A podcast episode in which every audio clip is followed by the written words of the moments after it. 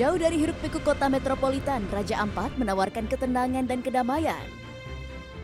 Suguhan alam yang ditawarkan begitu mengagumkan, membuat pengunjung enggan pulang. Perjalanan menuju Raja Ampat dimulai dari pelabuhan kota Sorong. Wah, cantik ya. Saat ini saya berada di Sorong, Papua Barat Daya, yang mana juga menjadi pintu gerbang menuju Raja Ampat. Ada yang mau berlibur ke sana? Yuk ikut saya. Untuk menuju ke Pulauan Raja Ampat, kita bisa menempuh perjalanan laut dari Sorong. Bagi yang ingin berkunjung, bisa menyiapkan makanan kecil dan air minum karena perjalanan memakan waktu yang tidak sebentar. Saat ini kami menggunakan speedboat menuju ke Raja Ampat dan kira-kira akan memakan waktu sekitar 4 jam. Pemandangannya indah sekali. Perjalanan sejauh 170 km tidak terasa karena pemandangan yang ditawarkan sungguh menakjubkan. Membentang di area seluas kurang lebih 4,6 juta hektar, Kepulauan Raja Ampat terdiri dari empat pulau besar. Pulau Wageo, Batanta, Salawati, dan Misol. Kali ini saya akan mengunjungi Pulau Misol. Ini adalah gerbang masuk Misol, salah satu pulau di Kepulauan Raja Ampat. Dan Raja Ampat ini memang indah sekali ya, di mana kita bisa menikmati hijaunya pegunungan dan birunya lautan. Uh, nggak sabar. Pulau yang berada di lepas pantai barat Pulau Utama Papua dan berbatasan langsung dengan Laut Seram ini menjadi jalur lalu lintas bagi banyak makhluk laut besar. Jika beruntung, kita bisa melihat lumba-lumba dan paus. Raja Ampat terkenal dengan wisata bawah lautnya. Air yang jernih membuat keindahan biota laut yang beragam mudah dinikmati wisatawan. Tak hanya wisata bawah laut saja, ada pula tempat wisata lain di daratan yang bisa dikunjungi.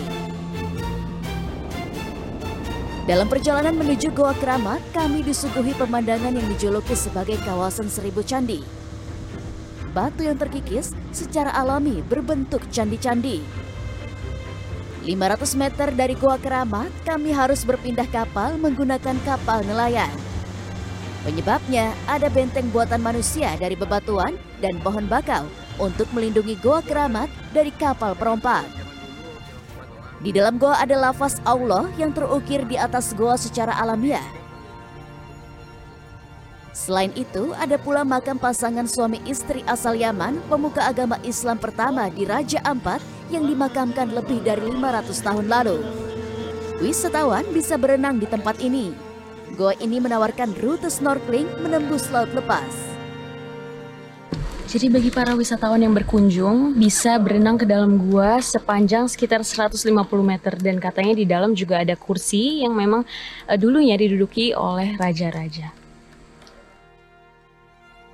PJ Gubernur Papua Barat Daya Muhammad Musaat mengakui keindahan goa ini dengan stalaktit beraneka ukuran yang menghiasi langit-langit.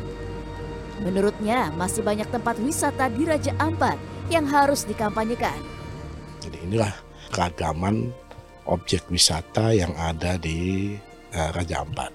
Jadi banyak pilihan yang bisa kita dapatkan ya tidak hanya di bawah laut tetapi juga di atas daratan ini juga uh, banyak objek-objek yang perlu kita apa namanya di, di apa dimunculkan ya dipublikasikan dikampanyekan ya supaya uh, semakin banyak orang bisa datang menyaksikan anugerah yang luar biasa yang diberikan pada uh, Raja Ampat yang ada di wilayah Provinsi Papua Barat Daya.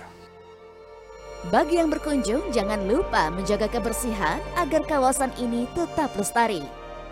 Laurencia Gata, Denny Irfan, Raja Ampat, Papua Barat Daya.